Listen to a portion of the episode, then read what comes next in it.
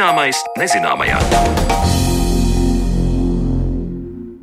Esiet sveicināti raidījumā Zināmais nezināmais. Ar jums kopā esmu Sandra Kropa, un šodien mēs runāsim par planētas dzīvēm.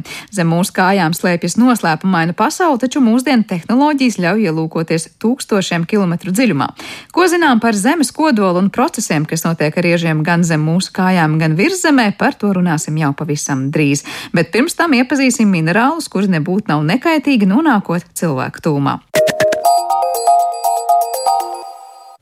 Lai gan nepastāv tāds iedalījums kā kaitīgie vai bīstamie minerāli, tomēr ir zināms, ka ir tādi minerāli, kas satur arsēnu, asbestu, urānu vai svinu. Par to, cik bīstami ir šādi minerāli un vai tie ir sastopami Latvijā, vairāk interesējās mana kolēģe Zana Lāca Baltalksne. Ieceres šīm sižetām sākās no ļoti nezinātniskas puses. Proti, ierakstot Google meklētājā vārdus bīstamie vai kaitīgie minerāli un skatam parādījās vairākas interneta vietnes ar virsrakstiem - pasaules nāvējošākie akmeņi un minerāli, indīgie minerāli un tam līdzīgi. Un tur lasām daļskanīgus nosaukumus - halkantīts, torbernīts, galenīts, cinobrs, reālgārs, auri pigments. Un klāt arī attēli ar brīnum skaistiem krāsainiem kristāliskas formas iežiem. Taču uzrunājot speciālistu, uzzinām, ka tādu kaitīgo minerālu saraksts neeksistē. Faktiski tāda iedalījuma nemaz nav. Mēs ļoti skaisti visas tās ķīmiskās vielas, kas atrodas dabā, kuras mēs saucam par minerāliem, iedalām pēc ķīmiskā sastāva, pēc starptautiskās klasifikācijas, pēc kristāla rēžģa, tātad kā tie atomiņi tur kristālā sastājušies, pēc tā arī mēs iedalām faktiski visus minerālus, kādi ir dabā. Un, ja mēs sakām, bīstamāki, mazāk bīstami vai kaut kādi indīgi, faktiski tāda iedalījuma nav. Jā, šīs īpašības ir. Daudziem minerāliem ir kaut kādas tādas īpašības, kas nu, cilvēkam nebūtu pārāk labvēlīgas, bet tas iedalījums nepastāv kā tāds. Tā skaidro ģeoloģijas zinātņu doktore, Latvijas Universitātes muzeja eksperte un Geogrāfijas un zemes zinātņu fakultātes pētniece Vija Hodireva. Taču, ja ģeoloģijas zinātnēs neiesvaidīti ļaudis šādus sarakstus ir radījuši, tad pamats tiem ir. Vairākos iepriekš minētajos minerālos ir savienojumi, kas var būt bīstami un kaitīgi cilvēka veselībai un dzīvībai. Tāpēc turpmākajās minūtēs aplūkosim, kādas ir šīs ķīmiskās vielas, ko tās mums var nodarīt un cik lielā daudzumā tās ir sastopamas Latvijas teritorijā. Kā pirmo es minu asbestu, minerālu, kuru sīksīkās šķiedras, nokļūstot cilvēka organismā, var kaitēt mūsu plaušām. Katram minerālam ir kristāla režģis. Nu, tātad tie atomiņi, kā sastājušies tajā attiecīgajā ķīmiskajā vielā, kas ir dabā, Un ir tāda minerāla, kur kristāla režģis veido nu, tā tādas diezgan garas struktūriņas, teiksim tā vienkāršot. Nu, un, ja tās ir garas struktūriņas, tas nozīmē, kādam minerālam, šajā gadījumā asbestam, ja bieži vien mēs sakām, tas ir hrizotilāsbests, vai to minerālu vēl mēs saucam par serpentīnu. Šī minerāla kristāla režģī ir tādas tās eh, jonu grupas, kas ir diezgan garas Un ko tas dod un ko tas norāda? Tas norāda, ka attiecīgam minerālam arī tā forma, tā kristāla forma, ko mēs redzam, būs līdzīga. Un līdzīgi tas nozīmē šī gadījumā, ka tā ir tāda adatveida. Ļoti gari kristāliņi, gandrīz kā diegi, šķiedras, varētu teikt. Un, nu, lūk, šādu mēs redzam dabā. Tas ir dabīgs veidojums, tādas šķiedriņas ir. Un, ja mēs sākam šo minerālu iegūt kaut kādā veidā drupināt, kaut kādā veidā apstrādāt, tad attiecīgās šķiedriņas tiešām kļūst diezgan sīkas, sasmalcinātas, nu, tā kā adatiņas iznāk. Un šī te, nu, varbūt pat putekļu veida adatiņas vai, vai lielākas adatiņas ar gaisa strāvām uzceļas gaisā, un bieži vien mēs ieelpojam. Un, lūk, tajā brīdī tiešām ir tā sliktākā lieta, ka cilvēks varētu ieelpot šos asbestu putekļus. Tātad asbests pats par sevi nav kaitīgs. Bīstamība rodas, ja to ņem un apstrādā, lauž, urbi, zāģē. Un tad cilvēks ieelpojot asbesta putekļus var radīt kaitējums plaušām, atsevišķos gadījumos sasirgt ar plaušu vēzi. Skatot tālāk citus minerālus, Vija Hodireva min torbernītu, kriptonītu un uraninītu, un šie minerāli ir radioaktīvi. Tātad urāna jons, attiecīgi daži citu radioaktīvu minerālu joni, savienojumi ir vai nu fosfāti, tas pats torbernīts, vara, urāna, fosfāts ar ūdeni. Tas ir šis minerāls. Ir tāds um, līdzīgs kriptonīts. Ir minerāls uraninīts, kas ir vienkārši urāna oksīds. Tas ir dabīgs minerāls, sastopams dabā. Un vēl viena tā īpašība noteikti, kas ir visiem līdzīga, tie visi ir radioaktīvi.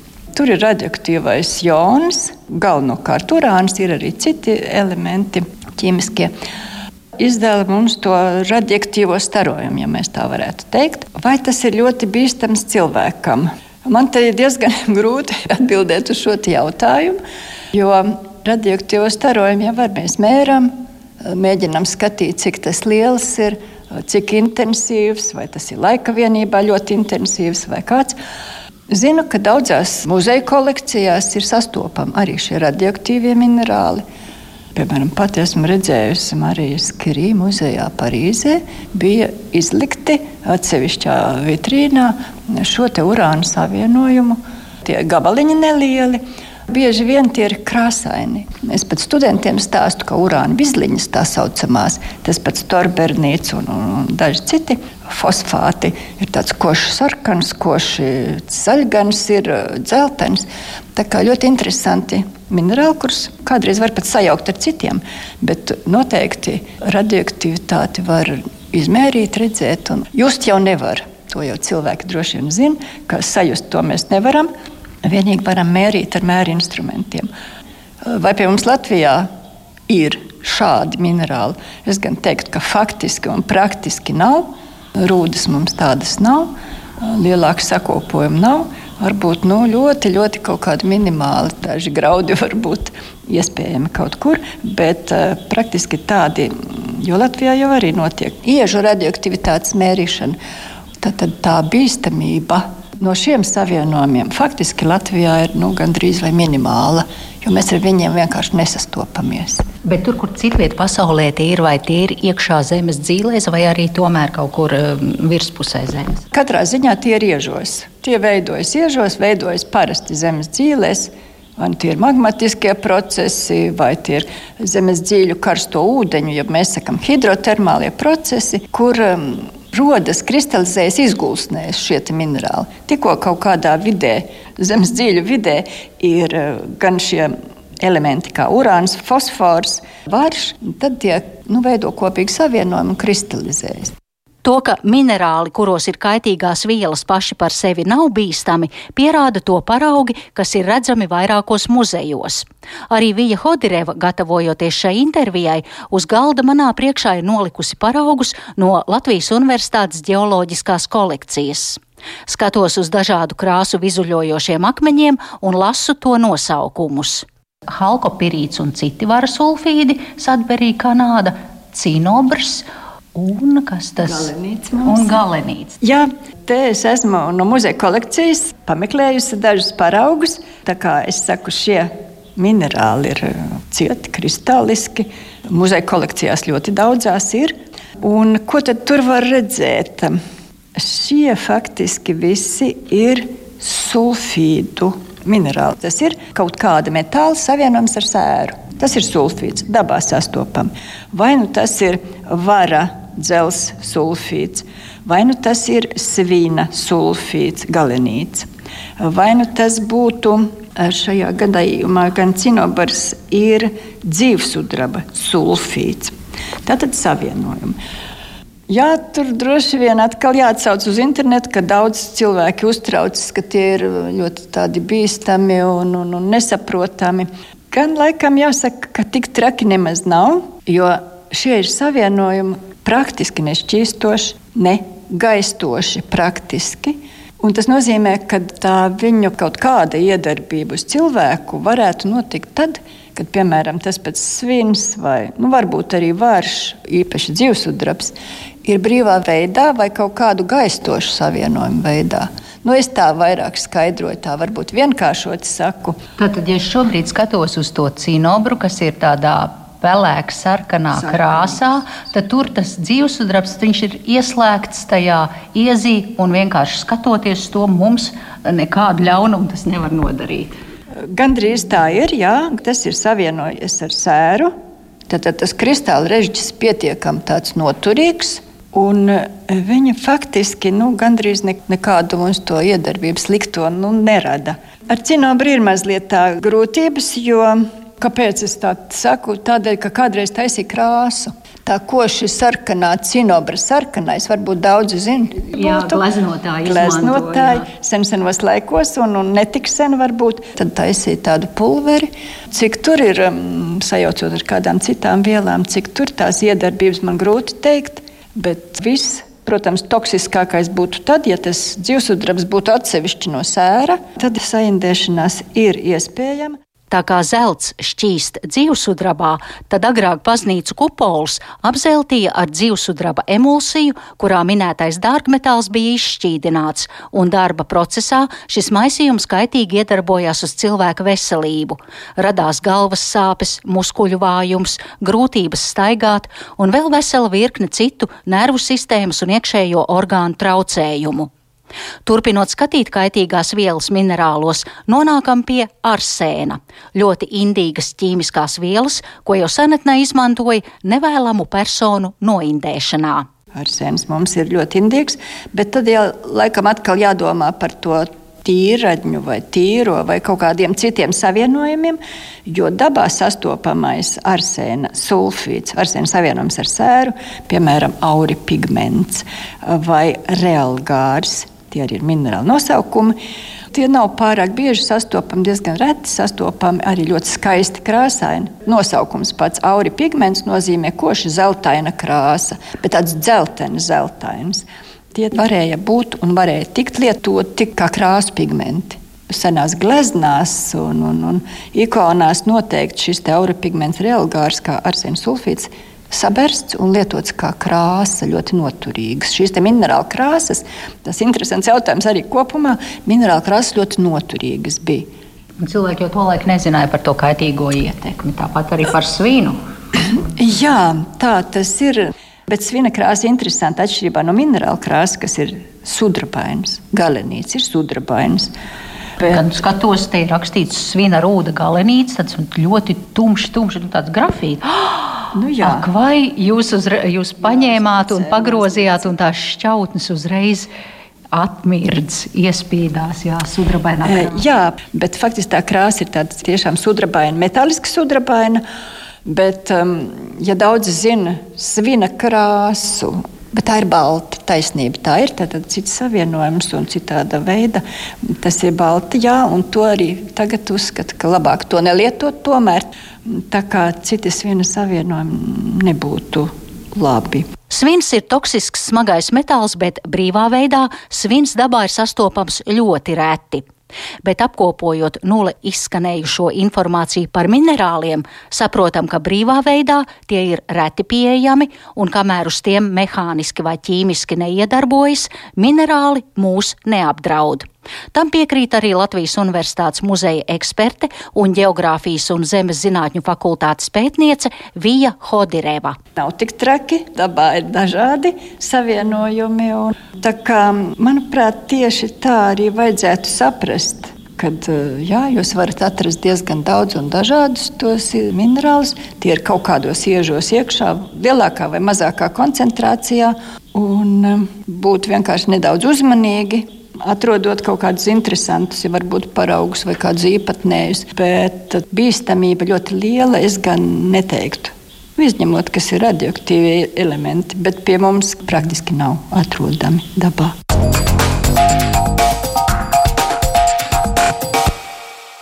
Dzirdējām Zanes Lātas Baltalksnes stāstu par minerāliem, bet par to, kā iežus maina dažādi ķīmiskie procesi, saruna pēc brīža.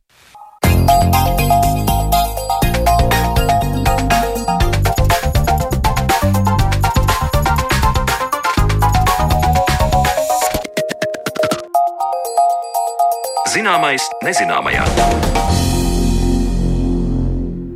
Neviens vien bērnībā ir centies aizrakties līdz zemes otrai malai, un tas var šķist bērnišķīgi un naivi, taču interesi par notiekošo zemes dzīvās nodarbina ne tikai mazu bērnu, bet arī zinātnieku prātus. Mēs ar vien vairāk iepazīstam objektus, kas atrodas miljoniem kilometru attālumā no zemes, taču aizraujoša pasaule pavars arī zem mūsu kājām, un daudziem no šiem zemes dzīļu procesiem ir bijusi fundamentāla loma arī dzīvības evolūcijas kontekstā. Kas notiek zemes kodolā, ko vispār zinām par pasaules simtiem? kilometru dziļumā un kā šos procesus varam redzēt zemes augšējos slāņos. Par to šodien mēs runāsim ar mūsu studijas viesiem Latvijas Universitātes Geogrāfijas un Zemes zinātņu fakultātes geoloģijas nodaļas asociēto profesoru Girtu Stinkulu. Labdien! Labdien! Kā arī šīs pašas fakultātes uh, docentu un geoloģijas zinātņu doktoru Jānu Karušu. Labdien. Ir tāda ziņa nesen sasniegusi nu, pasaules mēdījus, ka zemes slāņos iespējams notiek tādi paši procesi, kādus mēs varam redzēt un zinām virs zemes. Konkrēti, ja mēs runājam par rūsu, vai mēs varam tagad teikt, tā, jā, rūsa notiek un rūsē daudz kas arī ļoti, ļoti dziļi zem mūsu kājām. Un patiešām te mēs runājam nevis tikai par dažiem simtiem metru, bet par ļoti, ļoti, ļoti daudziem kilometriem. Girt, mhm. sākšu ar. Uh, jā, jā, noteikti. Uh, nu, no savas puses, uh, ko es varu uzreiz piebilst, ka kaut kāda priekšstata par Zemes iekšējo uzbūvi nemainās jau ļoti sen. Mēs zinām, ka Zemē ir kodols, ir iekšējais kodols, ārējais kodols, Zemē ir mantija, apakšējā mantija, augšējā mantija, Zemes garoza, augšējās mantijas mantijas daļa un zemes garos veido cieto litosfēru, kas tātad virzās kā šīs plātnes, eh, bet eh, daudzas lietas, protams, pa zemes iekšēju uzbūvi nav skaidrs. Eh, iepazīstoties ar šo publikāciju, kas ir tāds pārskata pētījums par daudziem pētījumiem, kas veikti nozarē, jāsacina, ka tā ir ļoti interesanta ideja, bet noteikti nevienīgā ideja par procesiem, kas notiek ļoti dziļi zemes dzīvēs. Noteikti pētījumam ir pamats, ir modelēta šī situācija, kā varētu skābeklis Eh, kādus minerālus varētu veidot eh, faktiski skābeklis, arī ūdeņradis. Tur būtībā ir runa par ļoti interesantu tādu minerālu, dzelzs oksīdu un hidroksīdu, eh, kurš ir citā struktūrālajā formā nekā zemes virspusē. Tas zemes dzīvēs uzvedās kā pirīts, bet pirīts ir dzelzs sulfīdu minerāls, kas ir ciets, blīvs, un tad lūk šis dzelzs oksīds un hidroksīds iespējams ļoti, ļoti dziļi pazemē ir tā saspiests, ka tas arī kļūst kā šis pirīts un iegūst pavisam citas īpašības. Var teikt, tieši tas pats šeit uz Zemes virskārtā izskatās pilnīgi citādāk nekā tas ir, nu, cik lielā dziļumā. Mēs runājam par uh, mantijas jau daļu, mēs runājam par kodolu, mēs runājam par, par zemes garozu. Mēs runājam par slāni starp kodolu un mantiju faktiski, un par ļoti lieliem dziļumiem. Tas ir kaut kur ap 2700 km, ja es nekļūdos. Jā. Jā. Uh, bet nu, tas atā, dziļums tiešām ir ievērojams, un mēs skaidri zinām, ka nu, neviens tā nevar paņemt un aizrakties līdz zemes kodolam.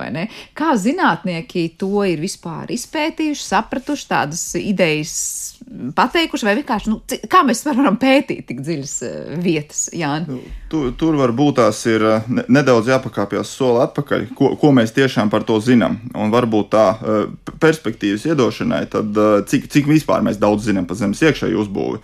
Ja 1961. gadā jau cilvēks lidoja kosmosā, tad Gārina pirmais lidojums šajā gadā bija Eh, zinātnieku vidū tā plaši pieņemts un skaidrs, ka uh, litosfēras plātnes vispār kustās, ka kaut kas zemes iekšienē tur kustās un kaut kas notiek. Uh, publikācijas bija pirmās 60, 1963. un 65. gads. Tātad cilvēks jau sen lidoja kosmosā un vēl nebija skaidrs, kā Zeme strādā. Un, ja mēs runājam par to, kas, kas tur īsti apakšā ir, kā mēs to varam zināt, tad mums arī dziļākais urbums ir ap 11 km. Un eh, mēs šobrīd runājam par dziļumiem, kas ir pie 3000 km. Mēs eh, ļoti tālu esam no tā, lai tiešā veidā pataustītu, kas tur ir apakšā. Un vienīgās metodes ir netiešas metodes, mums ir geofizika. Un, lai varbūt tās tā skaidrs ir, cik ļoti tā tomēr ir abstrakta pētniecība, tad eh, kā mēs zinām, ka tur vispār ir tas kodols, ka tur ir kaut kādas robežas. Viena no eh, tiešākajiem pierādījumiem ir, kad mums notiek kāda zemestrīce, pieņemsim, Japānā notiek zemestrīce, un mēs viņu arī uztveram ar savu seismogrāfu, kas mums ir slīders bakā. Ja šī zemestrīce ir pietiekoši liela, tad mēs uztveram, ka zeme kratījās. Un mēs varam eh, nomērīt laiku, cik ilgā laikā šī te, Šis impulss no Japānas aizlidoja līdz Latvijai. Un šādi apkopojot informāciju par dažne, dažādām zemestrīcēm pasaulē un tā viņu trajektorijām, mēs esam izstrādājuši modeli. Mēs nezinām, mēs neesam nomērījuši, mēs esam izstrādājuši modeli, ka Zemē iekšienē ir šis ārējais kodols, ir iekšējais kodols. Mēs zinām, ka tur ir robežas kaut kādas. Kāds materiāls tur ir? Par to, ja pavisam godīgi, mums ir tikai hipotēzes. Mēs, mēs pat īsti nevaram simtprocentīgi pateikt, ka mums ir tas kodols no dzelzceļa. Mēs it kā, jā, mēs, tā ir šobrīd tā dominējošā hipotēze, un varbūt tā izcelsmē, no kurienes vispār tā ideja radās, ir viens no populārākajiem modeļiem, no kā vispār Zemes sastāv, ir tas analoģija ar meteorītiem. Mēs paskatāmies, kādi mums meteorīti krīt uz Zemes. Mēs zinām, ka mums ir šie silikātu meteorīti, un mēs zinām, ka mums ir dzelzceļa meteorīti.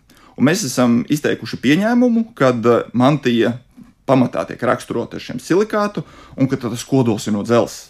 Šī teorijā gan ir milzīgi daudz problēmas. Eh, Viņa nevar izskaidrot visu, un ir daudz jautājumu, kā tā sanāca. Un tā pašā laikā ir citas teorijas, kur ir pierādīts, ka ir citi materiāli, nemetāliski materiāli, kuri šādos lielas spiediena apstākļos eh, var uzvesties kā metāli. Un rezultātā tas, eh, ka tur ir metāls, tā ir tikai viena no hipotēzēm. Tā, protams, ir ticama hipotēze, bet mēs noteikti nevaram apgalvot, ka mums ir kaut vismazākā nojausma, ka tur tiešām ir tas, ko mēs domājam, kad ir.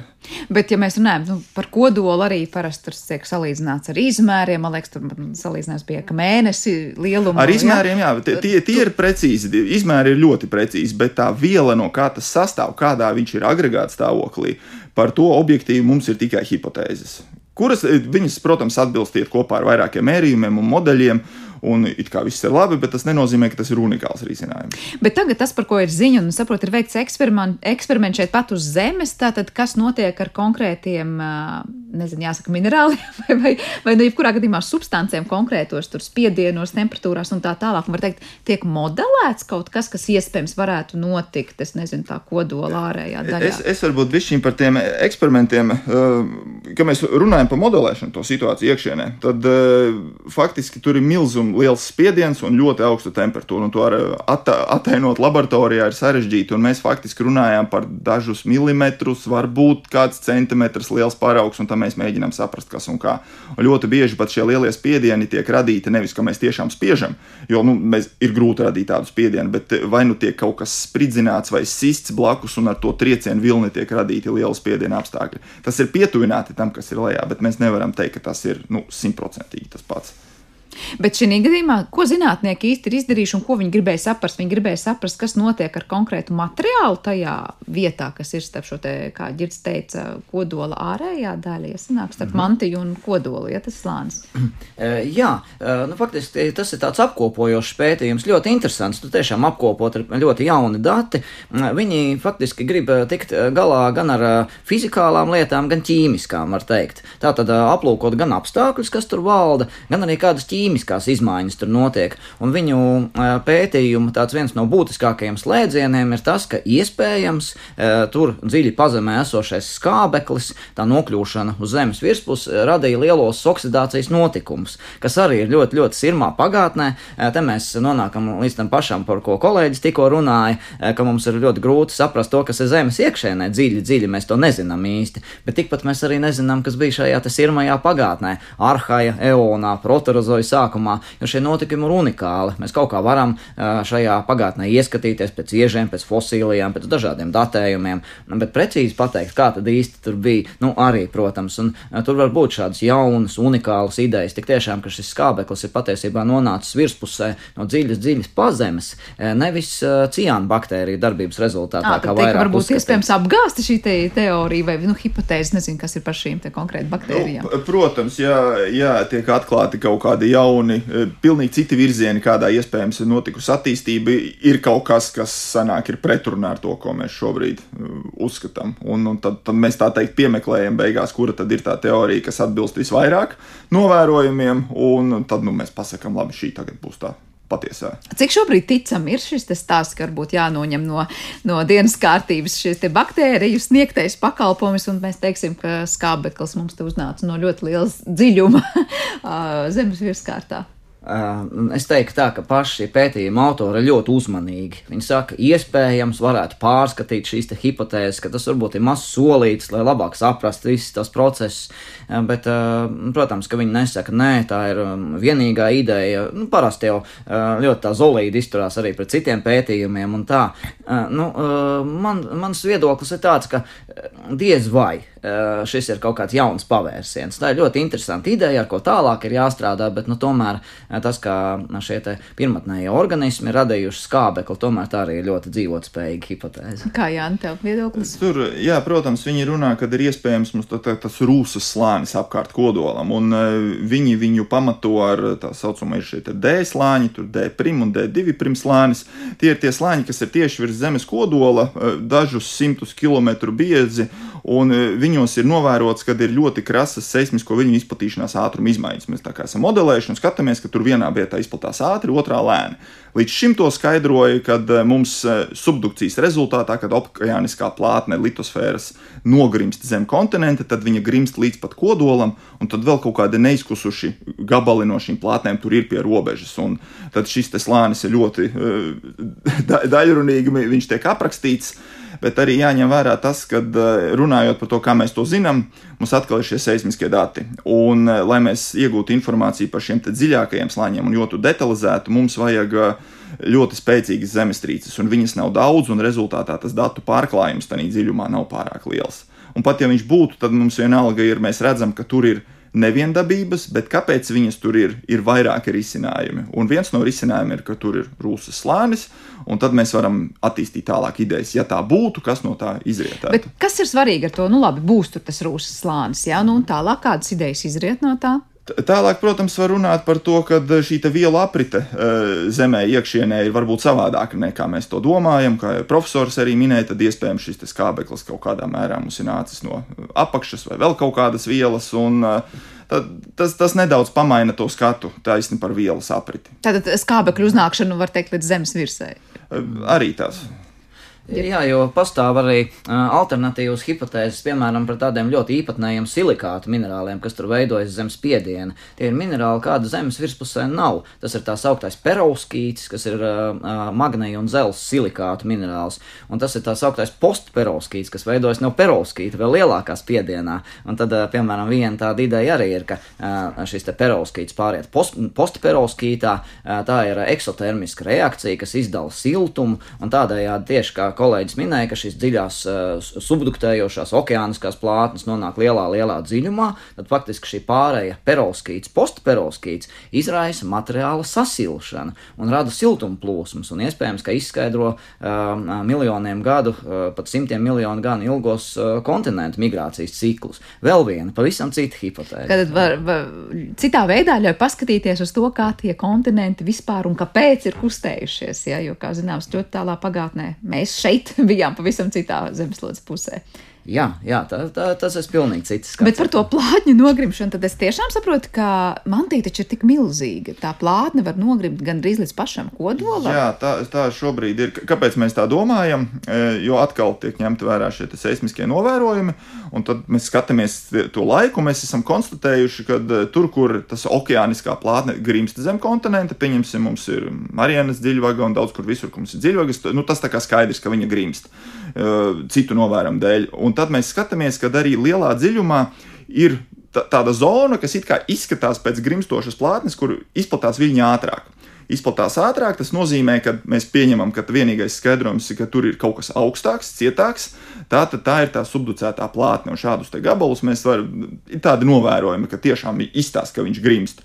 Un arī visi modeļi, kas saistās ar tīri datoru modeļu, kā šī mantija kustās, kā kontinenti pārvietojās, viņi principā arī inkorporē šo ideju, un tas, tas ir tādā veidā. Bet vide, kādā tā grimšana notiek, nu, tad tā mantijas dažādie slāņi, cik ļoti atšķirsies, es nezinu, tur temperatūra un viss, kādā vidē tas tā, tā plātne grimst. Uh, es pieņemu, mantijas augšējais slānis un apakšējais slānis ir tā kā diena pret nakti pasaules. Vai ne tik traki? Nu, mēs jau nezinām īsti tur. Un, un, nu, kādas ir tās esošās teorijas vai pie, pieņēmumi? Nu, esošā teorija ir tāda, ka mantijas pati augšējā daļa kopā ar Zemes garozi ir cieta. To sauc par litosfēru. Faktiski šis termins mūsdienās ir pat aktuālāks nekā Zemes garoza, jo tas ir tas materiāls, kas kustās mm -hmm. tik mhm. tiešām. Uh, bet uh, dziļākā mantijas daļa pārējā, uh, nu, tur uh, tas viedoklis ir tāds, ka tā ir tādā nosacīti pušķidrā stāvoklī. Īsti nē, bet ilgā laikā tas uzvedas kā šķi, šķi, šķidrums. Tā, tā, tā viela tur pārvietojās un notiek tā sauktā konvekcijas kustība siltuma plūsmas, augstuma plūsmas, tik tiešām, un tas ir ļoti, ļoti lielā biezumā, tas ir eh, vairāk nekā 2000 km principā, tāda, nu, zināmā mērā kustīga viela, tad lūk tajā uh, ir tas, ko kolēģis tikko minēja, šī grimšana, tāpat arī augšupējošās siltuma plūsmas, kuras iekustina kontinentus, uh, ir tādi populāri zinātniski materiāli, kur to skaidro kā vārošu manā putras katlu šo procesu. Manā putras tādā ziņā, ka tās blīvums varētu būt līdzīgs kaut kas putrai tāds, nu, ne gluži ūdens, bet, nu, ne gluži arī cieta viela. Ja. Drīzāk tīri vizualizācijai, un, un uh, jāatzīmē gan arī, ka reizēm bišķiņi tas varbūt ir uh, tā. Ne tā kā īsti tas notiek, ka mēs sakām, ka mums ir kaut kādi koka klucīši, kas pelta pa to mantiju, un mēs skatāmies uz kontinentiem kā aizbergiem. Tas varbūt īsti nebūtu korekti, jo faktiski uz kontinentu jāskatās kā uz vienu uz lielu šūnas augšējo daļu. Mēs varam iedomāties, ka visa tā viela rotē, apakšā viņa ir siltāka, un tad, kad viņa uznāk šī mantija zemes virspusē, viņa sacietē, tad mums ir šī zemes garoza litosfēra, un tad viņa otrā pusē atkal grimst, un tas ir kā vienots veselums, kas griežās uz rīņķi. Tā kā nekad nav apstājies, ja kustība. Jā, jā tādā... un par tiem vispār ātrumiem tie ir līdz 10 centimetri gadā mēs par tādu ātrumu runājam. Lai, nu, tā ir skaidrība, bet tas nav tā, ka mums tur kilometriem kaut kas mhm. pārvietojas. Bet tas skaitās ātri vai lēni? Tas ir tie, ir tie lielākie ātrumi, kas mm. ir. Ir ļoti daudz, kas, kas kustās lēni. Arī Latvijas teritorija pārvietojās uh, kaut kādā virzienā, un, un, un uh, visi kontinenti nedaudz pārvietojās. Ko mēs, nu labi, mēs te pieminējām jau to skābekļa aspektu iespējams un to, ka kontinenti iespējams atradās kaut kur citur tieši tāpēc, ka zem mūsu kājām dziļi, dziļi notiek tie procesi. Ko mēs vēl šeit uz Zemes varam teikt? Tas mums maina to, kādos apstākļos mēs dzīvojam, vai kā dzīvība ir attīstījusies, vai kā vispār šeit ir vai nav iespējams uzturēties. Tas, kas notiek kodolā, kas notiek mantijā, ko jūs teikt, nu kāpēc un kā tas ir, kāpēc tas ir būtiski un kā tas ietekmē, kā mēs esam evolucionējuši šeit uz šīs planētas? Ir. Nu, noteikti jau viens no tiem procesiem ir tas, ka Zeme lēnām atdziest. Eh, arhaja Zeme ir bijusi citādāka nekā proterozoja Zeme un nekā tagad. Eh, tātad eh, šis Zemes siltuma siltum plūsma kopumā samazinās. Tas ietekmē, protams, virspusi, tas ietekmē dažādas aktivitātes Zemes virspusē. Nu, kaut vai mm, tā plātņa tektonika bija pavisam citādā tā, arhajā. Vēl tāds būtisks arī moments, par ko šie pētnieki šajā publikācijā runājuši, ka ir neskaidrība, kad tad īsti radās plātņu tektonika ar tā teikt mitru okeānisko plātņu iegrimšanu pazemē. Tas arī daudz ko maina, daudz ko izskaidro. Nu, arī tā tad jaunu ķīmisko elementu izotopu rašanās Zemes iekšējo procesu rezultātā. Zeme pati, var teikt, ķīmiskos elementus eh, neražo, bet nu maina gan, protams. Nu, un, protams, arī šī ķīmisko elementu nokļūšana pamazām virspusē, eh, kaut vai ūdens izveide, dažādu sēru savienojumu izveide, oglekļa um, savienojumu izveide virspusē. Daudz kas nāk no Zemes dzīvēm. Noteikti. Tā kā patiesībā vielu aprit un vielu vispār nonākšana līdz mums notiek pateicoties arī Jānis, ja par ko runāja. Ka, Jā, par to nozīmību. Protams, arī viss tas, ko profesors minēja, ka tas, tas mums ir ļoti svarīgi, lai mēs vispār saprastu, kā šī zeme strādā. Un, ja mēs tā skatāmies varbūt no tāda uh, vidējā cilvēka skatījuma, kurš varbūt nav ar šīm lietām saistīts, tad uh, šīs zināšanas noteikti ir lielā mērā vairāk akadēmiskas, lai mēs saprastu, kā mēs esam attīstījušies. Tad pašā laikā ir uh, daudzas valstis, kurām tas arī tomēr gūst lietišķu pielietojumu. Jo, uh, ja mēs labāk izprotam, kā notiek šie procesi zemes dzīvēs, eh, mums ir kaut kāda cerība kaut ko vairāk saprast par vulkāniem, par zemestrīcēm. Līdz ar to tādas valstis kā tā pati Japāna vai kāda cita valsts, kas ir zonās, kur notiek šie procesi aktīvi. Eh, viņiem šīs izpratnes palielināšanās par zemes dzīvēm eh, arī ļoti praktiskas. Bet tas lietas. vairāk prognozēšanas kaut kādā precizitātes vai laika sprīža, cik ļoti vi, pirms... visā. Jo mēs attīstam precīzāk šo modeli, jo mēs eh, precīzāk varam saprast, kas notiks. Tas līdzīgi kā mums meteoroloģija attīstās, jo mums paliek precīzāk šie modeļi, jo mēs precīzāk varam pateikt, kādi būs laikapstākļi. Un kaut ko līdzīgu mēs varam piemērot arī runājot par zemestrīcēm un par vulkānu izvirdumiem. Bet, ja mēs vēl par to pavisam dziļo vietu runājam, par to zemes kodolu, kas tiešām ir tāds nu, ļoti mm, interesants objekts. Uh, Jānis pirms brīža minēja, ka tur ir vairāk dzelzs, bet no vienas puses mēs nemaz nezinām, vai tur ir dzelzs. Ja? Uh, kas mainītos no tā, ja tur ir nevis dzelzs, bet cits kaut kāds metāls, un ja tur vispār nav metāls. Uh, mēs parasti dzirdam, ka magnetiskie lauki patiesībā uz šīs planētas ir tādi, tāpēc, ka Jā. mums kodolā ir konkrēti e, veidojumi. Pareizāk sakot, ir tā, ka mēs. Tā, tā secība ir nedaudz otrādāka. Mēs zinām, ka Zemē ir magnetiskais lauks, mēs viņu pietiekoši ilgi esam novērojuši, un tad nu, radās idejas, kāpēc viņš tāds ir.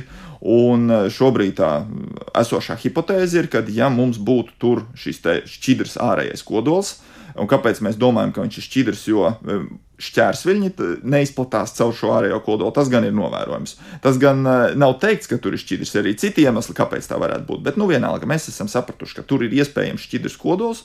Un, ja mēs uzmodelējam, kad viņš sastāv no dzelzs un niķeļa, un, un tad mums sanāk, ka var rasties šāds magnētiskais lauks. Tādā pašā laikā tur var būt arī kādas citas vielas, augstas spiedienā apstākļos, kurām arī ir augsta elektrovadītspēja, un arī viņas var radīt strāvas plūsmas ārējā kodolā, kas arī rada magnētisko lauku. Mums vajag tikai vielu, kam piemīt elektrovadītspēja.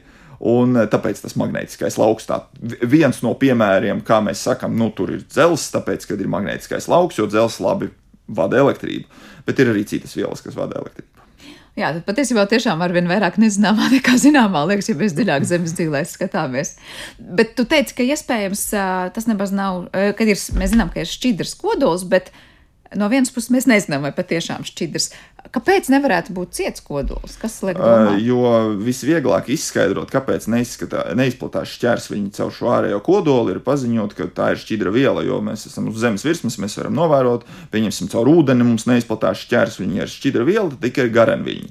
Un faktiski šis ir viens no galvenajiem iemesliem. Un uh, es pat teiktu, pat viens no vienīgajiem, kāpēc mēs domājam, ka tur ir šķidrs kodols. Protams, ir otrs šis te par elektri, eh, elektriskajām plūsmām, kad mums ir uh, ārējā kodolā. Protams, ja viņš ir šķidrāks, tad tas bišķiņ vieglāk notiek. Bet kā tas šķidrais kodols pēc tam, es nezinu, tie procesi saistībā ar mantiju noteikti, nu ir kaut kas, nezinu, tas spiediens, kas uztur tik ļoti viņu kā tādu, es nezinu, atsevišķu vienību, ja tā var teikt. Nu, tas tas ir labs jautājums. Visu laiku kopā ar to mantiju. Tur atkal mums ir novērojams. Mēs redzam, ka mums ir šī ārējā kodola robeža, to mēs arī pēc pēc seismiskiem viļņiem, to mēs ļoti precīzi varam nokartēt, ka tur ir šāda asa robeža. Un, starp citu, arī šī asā robeža rada problēmas šī meteorītu kontekstā, jo jau sākotnēji Zemes visa bija homogēna, tā, kad tikko izveidojās, un tad ir doma, ka grima šis dzelzs. Uh, šīs grimšanas rezultātā ir arī cilvēki mēģinājuši modelēt, un ir uh, bišķiņa problēmas ar to, kāpēc tā robeža ir tik asa. Viņai vajadzēja būt nedaudz izplūdušākai. Un tas arī, starp citu, ir viens no jautājumiem, uz ko īsti nav šobrīd atbildi, kāpēc tā. Ir mm, varbūt ir kas piebilstams par to, kāds mums tas kodols ir un kas būtu, ja viņam nebūtu tā asā robeža. Vai tas mainītu mums kaut ko šeit uz zemes? Domāju, ka kolēģis ļoti labi izstāstīja, ka šobrīd ir tas viedoklis, ka cietais iekšējais kodols un šķidrais ārējais kodols, bet tur īstenībā ir, nu, es domāju, ka kaut kāda jauna pavērsiena šajā, šajā lauciņā noteikti atnest jaunas publikācijas žurnālā Nature un tam līdzīgos augstrāngu žurnālos. Kas notiek tālāk, nu, piemēram, pēc šī eksperimenta, kas ir aprakstīts šajā pētījumā vai apkopojumā, ko jūs minējāt, ir kaut kādi tālākie soļi, ko pētnieki noteikti tagad nu, deg noskaidrot vai es nezinu, mums ir kaut kādas hipotēzes jaunas, kuras noteikti ir jāpārbauda. Ko jūs sagaidat tuvākajā nākotnē no? Es pieņemu, tie ir ārvalstu kolēģi, laikam, kas vairāk ar šiem pētījumiem darbojas. Visdrīzākais eh, būs mēģinājumi šīs jaunās idejas iestrādāt kaut kādos globālos eh, mantijas konvekcijas modeļos, un, un šīs zemes siltuma aprites modeļos un vielas aprites modeļos, un skatīties, kā tas iet kopā ar citiem novērojumiem. Un tad, tad jau redzēsim, cik šī hipotēze būs dzīvotspējīga. Hmm, ir tam kādas prognozes par to, kā pētījumi attīstīsies? Es pilnīgi par to piekrītu. Katrā ziņā tas pētījums pamazām virzās uz priekšu, kam ir vairāk pierādījumu no visādām pusēm. No geofizikas, no ķīmijas, eh, nu, teiksim, no vispārējiem fizikas priekšstatiem, kas vislabāk strādā, kur modelis strādā tieši tāpat, kā izskatās Zeme. Un eh, tad vēl, ja vēl papildus tam var izskaidrot procesus, kas norisinās Zemes virspusē, kas geoloģiskajā vēsturē ir bijuši, o, tas tiešām notiek tādā laikā, mums sanāk, ka šis modelis tieši tā darbojās, lai tas skābeklis izplūstu tieši tajā brīdī, nu, tad jau tas ir lieliski. Tā teikt, jo, jo zinātnē ļoti būtiski ir, lai pierādījumi nāktu nu, pēc iespējas daudzām pusēm un tad sakristu. Es saprotu, šīs rūsas kontekstā, ko mēs piesaucām, te arī tā, kā, nu, tā ideja ir salīdzināt, kas notiek ar konkrētām vielām, nu, šeit pat uz zemes virspusē, ja, tad, kad, piemēram, šis dzelzs tiek kopā ar, ar, ar skābekli, tad šī oksidācija notiek, mēs redzam šo rūsu, kas veidojās. Cik ļoti atšķirīga tā rūsa izskatīsies vai veidosies uz dažādiem iežiem? Es nezinu, vai savu virszemē vai, vai Mhm, zemzemes, kādi ir tur sanāk, kādi tie procesi mainīsies un kā vizuāli tas atšķirsies. To, kas notiek pazemē, būtībā tā rūsa, tas ir tikai ļoti nosacīti. Tās nebūs varbūt tādi brūni pleķi, tā kā mēs redzam uh, kaut kā uz aprūsējušām automašīnām, kā joko un tam līdzīgi, vai kaut kur citur, vai minerāli arī dabā. Uh, Tam, un to mēs parasti uh, runājam par dzelzs oksidāciju, par dzelzs oksīdu un hidroksīdu veidošanos. Par to tiešām ir ļoti grūti spriest. Un vēlreiz jāuzsver, ka tas, ko šie pētnieki mm, uzskata, ka dzelzs oksīds un hidroksīds tur dziļi pazemē, iespējams, ir tādā struktūrā kā minerāls pirīts, kas ir pavisam citādāks nekā zemes virspusē rūsa atkal. Mm, Bet, nu, protams, virspusē, ja mēs runājam par rūsēšanu, mēs šeit runājam par eh, divvērtīgās dzelzs pārēju trīsvērtīgajā formā būtībā. Tā tad ir runa par ķīmiskā elementa valenci. Eh, Un eh, dzelzī dabā ir abas šīs valences - divvērtīgā un trīsvērtīgā. Eh, Divvērtīgās dzelzs savienojumi dabā ir kustīgāki, migrē, ūdeņos pārvietojās, tātad tie ir karbonāti, tie ir Tie ir sulfīdi arī dažādi. Arī organiskajās vielās iekļaujās divvērtīgā dzelzs kā viens no komponentiem. E, Trīsvērtīgās dzelzs savienojumi ir tendēti uz izgūstnēšanos un um, veidojās dažādi uzkrājumi. Nu, piemēram, klasisks piemērs ir e, dzelzs avota Latvijā. Mēs zinām, ka pie daudziem avotiņiem ir tāda rūsgana masa. E, Pat gadās iekāpt iekšā, tāda nepatīkama sajūta ir, bet nu, vispār tas ir skaisti arī. Un, piemēram, pie Vaivas upes ir šīs Dāvida dzirnavas, kur ir brīnišķīgi dzelsavoti, ko arī ziemā var skatīties. Tā, tā, tā ideja ir tāda, ka divvērtīgās dzels savienojumi, kas ir ūdeņos, nonākot saskarē ar skābekli, pārveidojās trīsvērtīgās dzels savienojumos, uh, getītā, limonītā, lepidokrokītā, kā šos minerālus sauc, un izgulsnējās. Uh, uh, un rada, protams, krāsu. Un vēl mm, Noteikti var atzīmēt, ka dzelzceļa savienojumu rotaļas dabā šī pārējai no divvērtīgās uz trīsvērtīgo pazemes ūdeņa ietekmē, gaisa skābekļa ietekmē, rada skaistās krāsas, kas ir devona iežu atsegumiem, piemēram, gaujas krastos, devona dolomītiem, arī tur violetas joslas, rozā joslas, ir tā sauktās līzeganga joslas, kas ir koncentriskas līnijas, kas parāda pazemes ūdeņa plūsmu robežas. Tā kā nu, tās ir tiešām skaistas. dabas ķīmijas laboratorija, var teikt, skatām arī mūsu Latvijas ainavā, par ko es domāju, daudz varam pārliecināties. Bet noslēdzot šo sarunu, vai tas, kā jūs Latvijā pie tiem pētījumiem, pie kuriem strādājat, un lietas, par kurām interesēties, nu es nezinu, cik dziļi zem zemes var teikt, ir aktuāls teikt, Latvijas pētnieki pieliek savu roku, lai pētītu tur notiekošo. Es teiktu, ka tā objektīvi dziļākais, cik mēs šobrīd darbojamies, ir līdz zemes garozas eh, apakšējai robežai. Arī nesen mēs izmantojot eh, jaunos gravitācijas mērījumus Latvijas teritorijā, arī tika publikācija eh, nopublicēta par to, cik bieza ir zemes garoza Latvijas teritorijā. un tā Ir būtiskas atšķirības no līdzšinējiem priekšstatiem. Un tad es teiktu, ka tas ir dziļākais. Tā izteikti lieli, eh, lielu dziļumu pētījumi Latvijā šobrīd tā vēsturiski kaut kā nav iegājušies. Iespējams, kāds pētnieks eh, nākotnē virzīsies šajā virzienā. Ir šobrīd arī doktorantūrā vairāki cilvēki, kam potenciāli varētu būt interese par šiem procesiem. Bet līdz šim es teiktu, ka nu, zemes garozas apakšējā robeža ir. Tā ir tas- tā, tā, kas ir izpētīta, vai nu, pa, kur ir pētīta, tā, Tā, laikam, precīzāk pētīta, teikt. Jā. Bet, jā, kas zina, varbūt pēc dažiem gadiem mums te būs jauna pētnieku grupa, kas tieši specializēsies, es nezinu, mantijas pētniecībā vai kā citādi, jo līdzīgi kā Jānis tur kolēģiem es izveidoju tādu polāru pētnieku grupu, kas varbūt pirms daudziem gadiem arī likās, nu, Latvijā nekas nenotiek. Es domāju, ka tas ir visnotaļ iespējams, jo mēs arī cenšamies to gan geofizikas nozare attīstīt, gan arī šobrīd mēs arī sadarbībā ar profesoru dodamies arvien dziļāk. Jā, nu ko, lai veicas jūsu pētījumos, un lai tiešām mums arī daudz jauni horizonti pie, pie apārša tādā ziņā pētījuma laukā, ko, ko par kuriem dzirdēt un par kuriem jautāt arī turpmāk. Paldies jums abiem par sarunu.